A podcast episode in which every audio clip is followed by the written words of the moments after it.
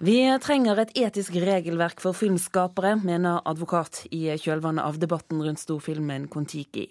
Filmen har fått krass kritikk for fremstillingen av en av karakterene, men i bransjen er det stor skepsis mot et slikt regelverk, og også blant fremtidens filmskapere. Eh, nå holder vi på med en sjangerøvelse.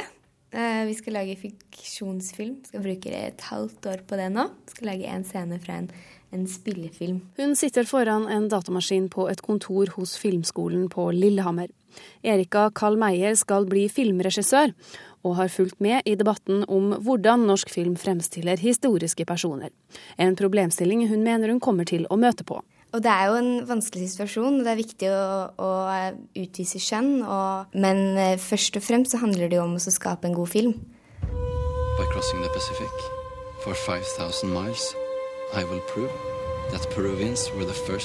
Filmen Kon-Tiki fremstiller Thor Heierdals nestkommanderende Herman Watzinger annerledes enn han var i virkeligheten. En avgjørelse som har møtt sterk kritikk fra familien hans. Nå tar advokat Hans Marius Grosvold fra advokatfirmaet Rognlien Djønne Co. til orde for et etisk regelverk for filmskapere etter modell av pressens Vær varsom-plakat. Det det er behov for, etter vår oppfatning, det er en plakat, kall gjerne en Vær varsom-plakat for bl.a. spillefilm. I stor grad basert på sunn fornuft, men uh, også ulovfestet personvern, som uh, vi også har pekt på tidligere.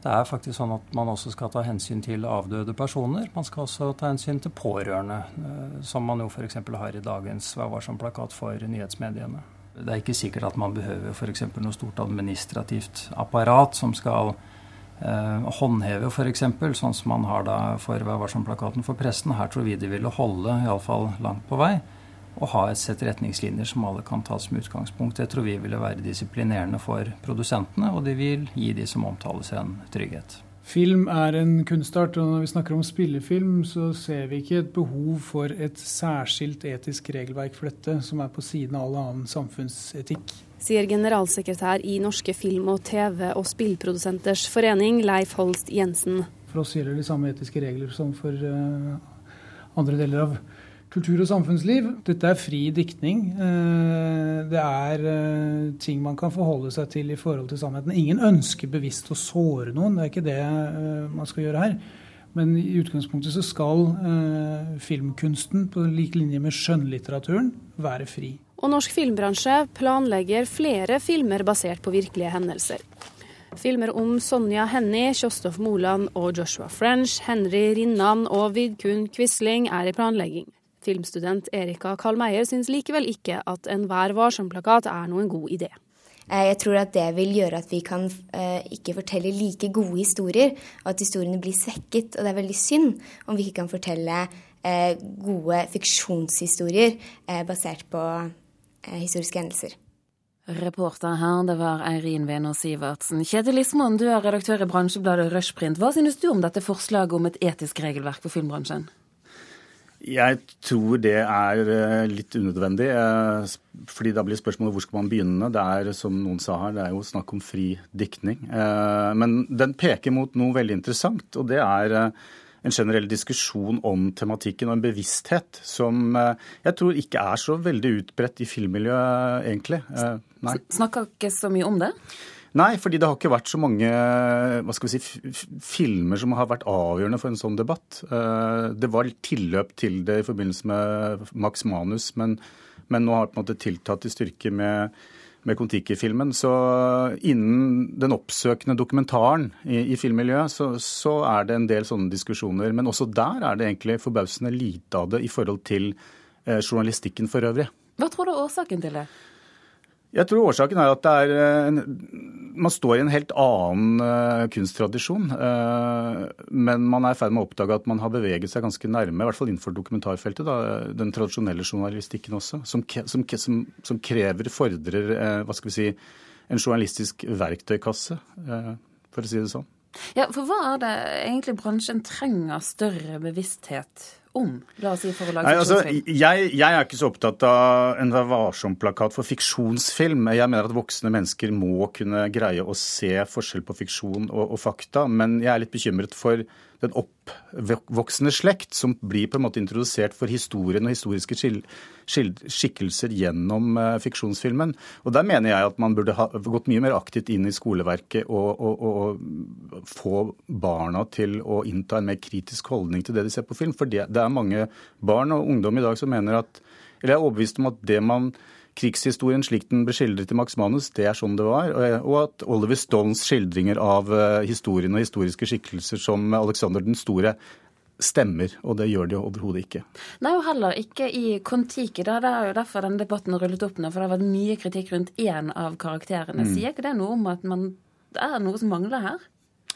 Eh, jo, det kan du jo si at man i det tilfellet der så burde man kanskje tatt et grep på forhånd, hatt en disclaimer. Eh, men det er det jeg mener. at Man, man behøver nok ikke en Vær varsom-plakat. Det blir for Jeg syns det blir litt sånn panikkartet, ja, hvor man skal liksom holde Og det er jo ikke noe nytt i forhold til uh, den norske offentlighetens forhold til film, at man skal holde filmen i ørene, for det er en litt sånn uskik uskikkelig bråkebøtte. En sånn, sånn fetter av de mer noble kunstformer. Men, men du, altså, det er jo ikke bare i Norge at det lages filmer som er basert på virkelige personer eller virkelige hendelser. Hvordan er debatten rundt dette eh, utaskjærs? Eh, det virker som det er en større tradisjon for å gå hardt til verks eh, når man lager fiksjonsfilm, f.eks. i Storbritannia. Altså, det har jo vært skildringer av politiske skikkelser som fortsatt lever, som, som jo har vært utleverende og nådesløse og, og basert på fri diktning også. Og i USA så er det jo altså Hollywood har jo laget dette til en industri. Altså biopics, eh, altså biografiske filmer om, om, om, eh, personer som har levd, kjente personer. Og, og der, eh, der, flagrer jo søksmålene, ikke sant, eh, innimellom. Altså rett og slett. En ting som eh, har vært interessant i det vi har jobbet fram denne saken her i NRK, det er at flere av filmskaperne som lager slike filmer her i Norge basert på virkelige historier, de vegrer seg veldig mot å uttale seg om akkurat dette konkrete forslaget om et etisk regelverk. Hvorfor er det vanskelig å snakke om det? Jeg tror ikke det er noe tabu, men jeg, jeg, tror ikke det er så stor bevissthet rundt det. Uh, og, og, det er jo ganske nytt. Uh, det, altså Forslaget det har jeg ikke hørt før om å innføre varsomplakat overfor fiksjonsfilmen. Men det har vært en diskusjon uh, internt i dokumentarfilmbransjen, hvor bl.a. Erling Borgen har, har, vært en slags bevisstgjører i forhold til det å ta i bruk en del journalistiske dyder. Kjetil Ismoen, takk for at du var med oss her i Kulturnytt. Argentina vil bygge opp en egen filmindustri etter modell av Hollywood. Det annonserte landets president under en TV-overført seremoni i går. Studiet skal bygges på øyen Demachi Island sør for Buenos Aires. Presidenten håper at den argentinske filmindustrien vil ha like stor suksess som Hollywood. Litteraturhuset i Oslo er forbildet når Stockholm får sitt eget litteraturhus. Det skriver avisen Dagens Nyheter. Svenske forfattere og forleggere jobber sammen med den svenske Penn-organisasjonen for å starte et internasjonalt litteraturhus i den svenske hovedstaden. Oslos litteraturhus har gitt et energikick til byens litteraturverden. Det sier Martin Konitz, som er forelegger i Bonnier, til avisen. Den syriske filmskaperen Orvan Mirabian er savnet, det skriver avisen The New Yorker. Nei er det eneste uavhengige dokumentarfilmselskapet i Syria, Pro, Pro Action Film. Han arrangerer også festivalen Doxbox, som er den største dokumentarfilmfestivalen i den arabiske verden. Forrige torsdag skal han ha blitt bortført i det han skulle gå om bord på et fly fra Damaskus til Kairo. Dansegruppen Frikas Hallgrim Hansegård har møtt mye motstand hjemme i Valdres. For to år siden så fikk Frika Akademiet kjøpe en nedlagt gymsal av kommunen, men eh, siden det så har det vært bråk. Etter at Hallgrim Hansegård ville etablere Frikarakademiet med kursvirksomhet og nye arbeidsplasser hjemme i Valdres, ble det bråk. Jeg har ingen plass å være, sånn som turning og sånne ting. Så jeg syns det er ganske dumt. Turngruppa kasta inn håndkle. Korpset skulle ligge på vent pga. det som da har skjedd. Grendahuset i Audal, som rett og slett ble støle. I to år har Bente Anti i aksjonsgruppa kjempa mot at kommunen solgte grendehuset deres til Frikar-akademiet. Nå står jo da lag og organisasjoner i Aurdal uten et fast tilholdssted. Sånn at uh, hvis vi skal ha arrangementer i, i et grendehus, så, så, har vi ingen steder å være. Hun sier kritikken ikke retter seg mot Hansegård, men kommunen. Det er jo ikke Frikar vi kjemper imot, det er jo kommuna og hva de har lovd bygdefolket og tatt fra bygdefolket. For ei drøy uke siden overtok Hallgrim Hansegård gymsalen i Valdres. Han vil gjerne leie ut salen når den ikke er i bruk, noe ikke alle er fornøyd med. Vært bedre sånn som det var før. Han kunne heller hatt et annet lokal eller noe. Ordfører Inger Torunn Klosbøle sier en leieavtale må være bra for folket. Ved å ha sambruk med Frikar, så mener vi at vi kan eh, få til de grendehusfunksjonene som spesielt korpset og Audal IF Gym og Turn eh, da har sagt de trenger. Og I dag er det ekstraordinært kommunestyremøte der leieforholdene skal avgjøres. Mange er spente på utfallet. Vi er veldig spent. Jeg tror eh, kommunene og ordføreren de, de, har et veldig press på seg til å få dette vedtatt. Jeg håper at vi får tilbake gymsalen og alt som vi hadde, liksom. Ja, vi hørte Bente Anti, som er idrettslagets representant i aksjonsgruppen i Ørdal, og oss ordføreren Inga Torunn Klosbølle. Og reporter her, det var Stein S. Eide. Kunstneren Anne Katrine Dolven får ikke lov å stille ut på kunstfestival i Kina, selv om hun er invitert til å gjøre akkurat det. For et halvt år siden så spurte Guanzo-triennalen om hun kunne tenke seg å delta. Nå er beskjeden derimot at hun ikke får være med likevel, fordi hun er norsk statsborger. Dolven har skrevet et åpent brev til Kinas ambassadør til Norge, der hun ber myndighetene om å ombestemme seg. Det var veldig overraskende etter flere måneder å få vite at det er ikke bare meg, men verket mitt ikke kommer inn i Kina.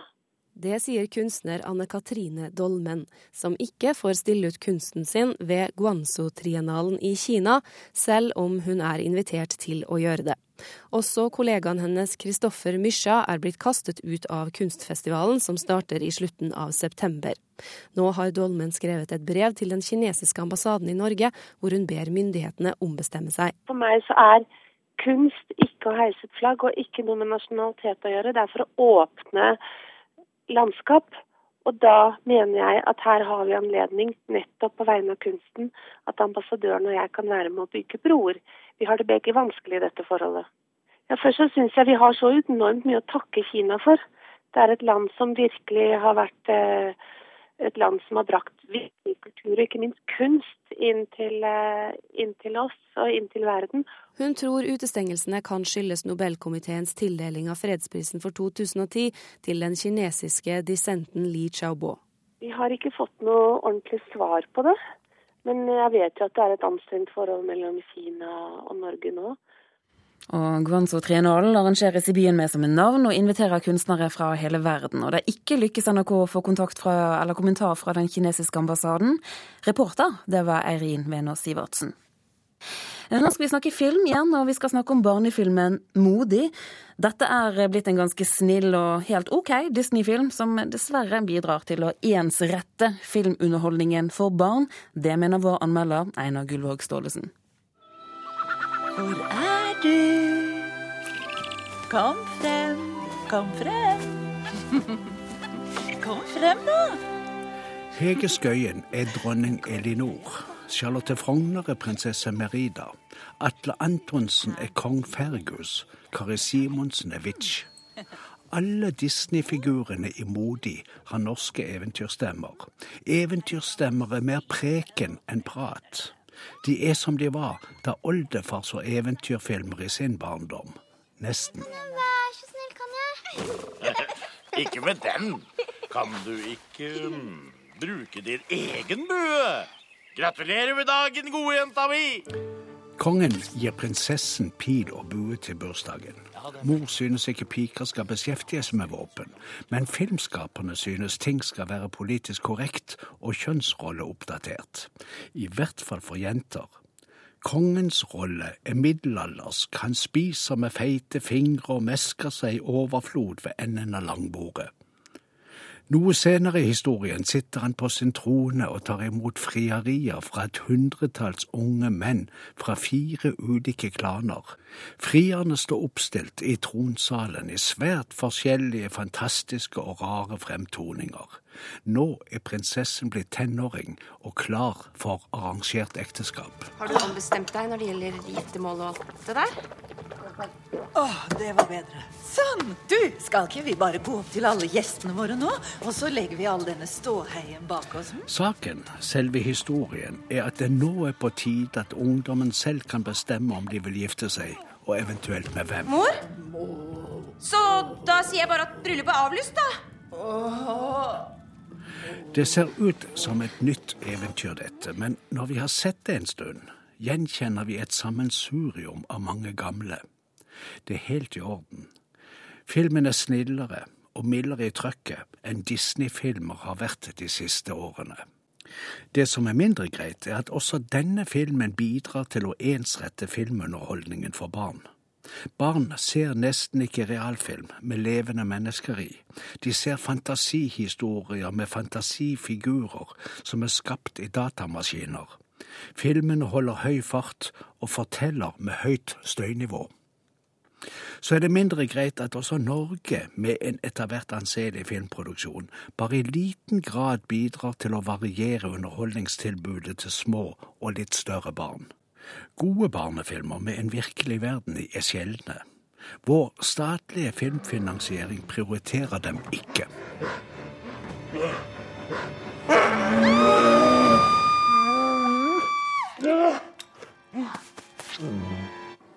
I Modi har noen av dyrene de mest menneskelige uttrykkene.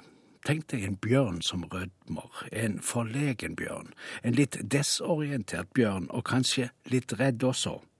Vi leser stemningene i fjeset til det store og hårete dyret.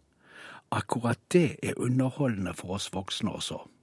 Ja, Det mente altså vår filmanmelder Einar Gullvåg Staalesen om den nye Disney-filmen Modig. Og denne uken så har også Til ungdommen premiere på kino. Den er allerede anbefalt av vår samme anmelder.